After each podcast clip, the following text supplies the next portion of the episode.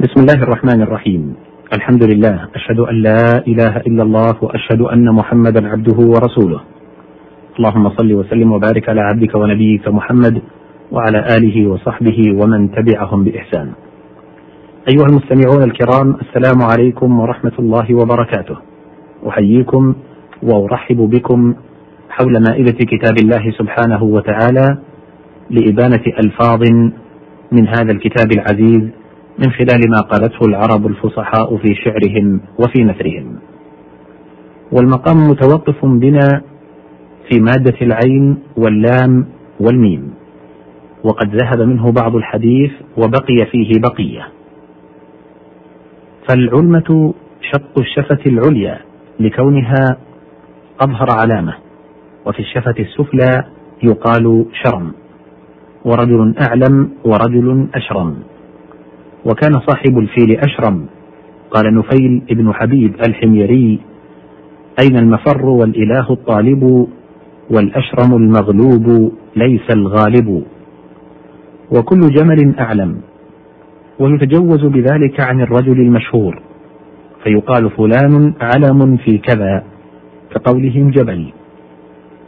والعلام الحناء قوله تعالى الحمد لله رب العالمين العالمون ليس جمع عالم بدليل أن عالما يطلق على كل موجود سوى الله تعالى وعالمون لا يطلق إلا على العقلاء فاستحال أن يكون المفرد أعم والجمع اخص وهذا نظير ما منع سيبويه من جعله اعرابا اعرابا جمع عرب لأن عربا يعم البدوي والقروي والأعراب مخصوص بالبدويين. وقيل العالم لا يطلق إلا على أولي العلم ومنه اشتق. وكأن هذا الخلاف مبني على الخلاف في اشتقاقه من ماذا؟ فإن قيل إنه مشتق من العلامة بمعنى أن كل موجود دال على صانعه وموجده فلا شك أن هذا المعنى موجود سوى الله تعالى فتطلق على العاقل وغيره من حيوان وجماد. وإن قيل إنه مشتق من العلم فلا يطلق إلا على ذوي العلم. قيل وحينئذ يصح جعله جمعا بعالم إلا أن الأول هو المشهور. قال الراغب والعالم اسم للفلك وما يحويه من الجواهر والأعراض. وهو في الأصل اسم لما يعلم به كالطابع والخاتم لما يطبع به ويختم. وجعل بناؤه على هذه الصيغة لكونه كالآلة. فالعالم آلة في الدلالة على صانعه. ولهذا أحالنا تعالى على ذلك في معرفة وحدانيته فقال أولم ينظروا في ملكوت السماوات والأرض؟ وأما جمعه فلأن كل نوع من هذه قد يسمى عالما فيقال عالم الإنسان وعالم الماء وعالم النار إلى آخره. وأما جمعه جمع السلامة فلكون الناس في جملتهم. والإنسان إذا شارك غيره في اللفظ غلب حكمه.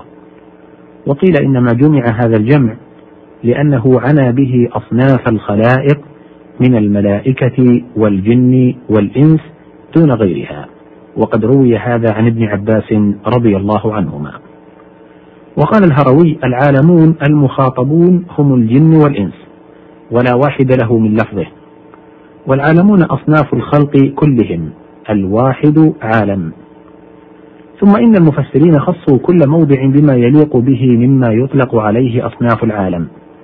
فقالوا في قوله تعالى أولم ننهك عن العالمين؟ أي عن أن تضيف أحدا. وفي قوله تعالى ليكون للعالمين نذيرا الجن والإنس لأنه لم يكن نذيرا للبهائم. قوله إنما أوتيته على علم عندي أي شرف وفضل. يوجب لي ما خولته. كما يدعي. وقوله وما تفرقوا إلا من بعد ما جاءهم العلم بغيا بينهم أي عن علم أن الفرقة ضلالة ولكنهم فعلوه بغيا. قوله في أيام معلومات هي عشر ذي الحجة الأول والمعدودات أيام التشريق. وقوله سبحانه وما يعلمان من أحد حتى يقولا إنما نحن فتنة أي يعلمانهم السحر ويأمران باجتنابه.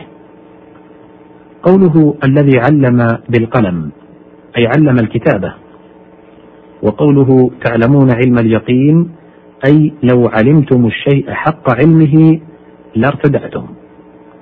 وقال أهل الحقيقة الأشياء رتب ثلاث علم اليقين وحق اليقين وعين اليقين وأعلاها هذا وأدناها الأول.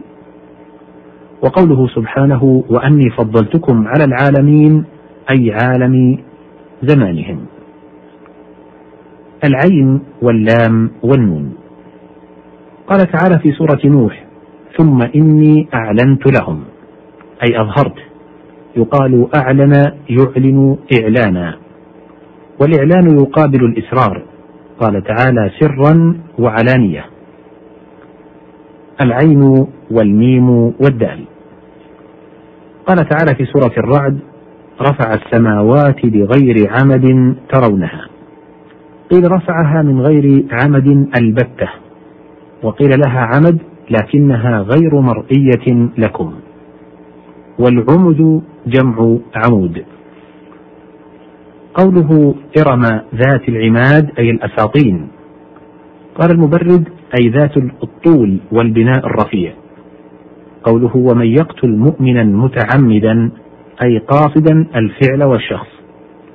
والعمد في الأصل قصد الشيء والاستناد إليه والتعمد في العرف خلاف السهو. والعمدة كل ما يعتمد عليه والعميد ما يعتمده الناس وغلب على السيد الذي يعتمد عليه الناس.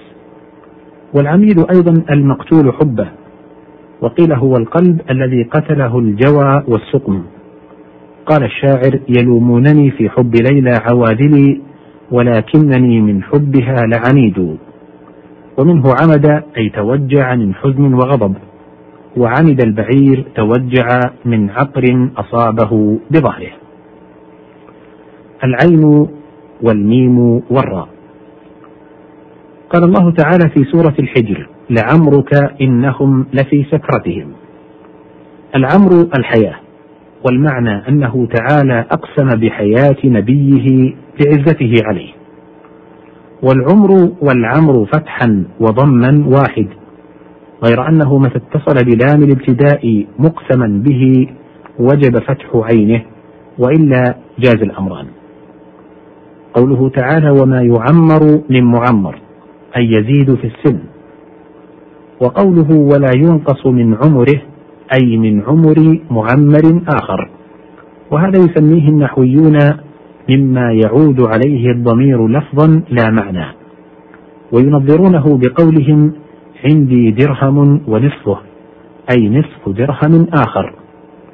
وينشدون قول الأخنس بن شهاب التغلبي وكل أناس قاربوا قيد فحلهم ونحن خلعنا قيده فهو سارب.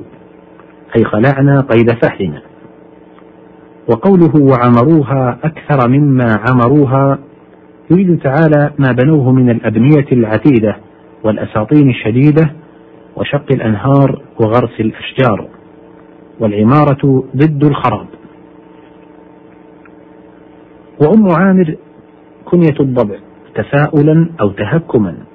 قال الشنفرة فلا تدفنوني إن دفني محرم عليكم ولكن خامري أم عامري. ويكنى عن الإفلاس بأبي عمرة. العين والميم والقاف. قوله تعالى في سورة الحج يأتين من كل فج عميق أي بعيد. وأصل العمق البعد سفلا. يقال بئر عميق إذا كان بعيد القعر. ويقال معيق وهو مقلوب منه لأن عميقا أكثر من معيق.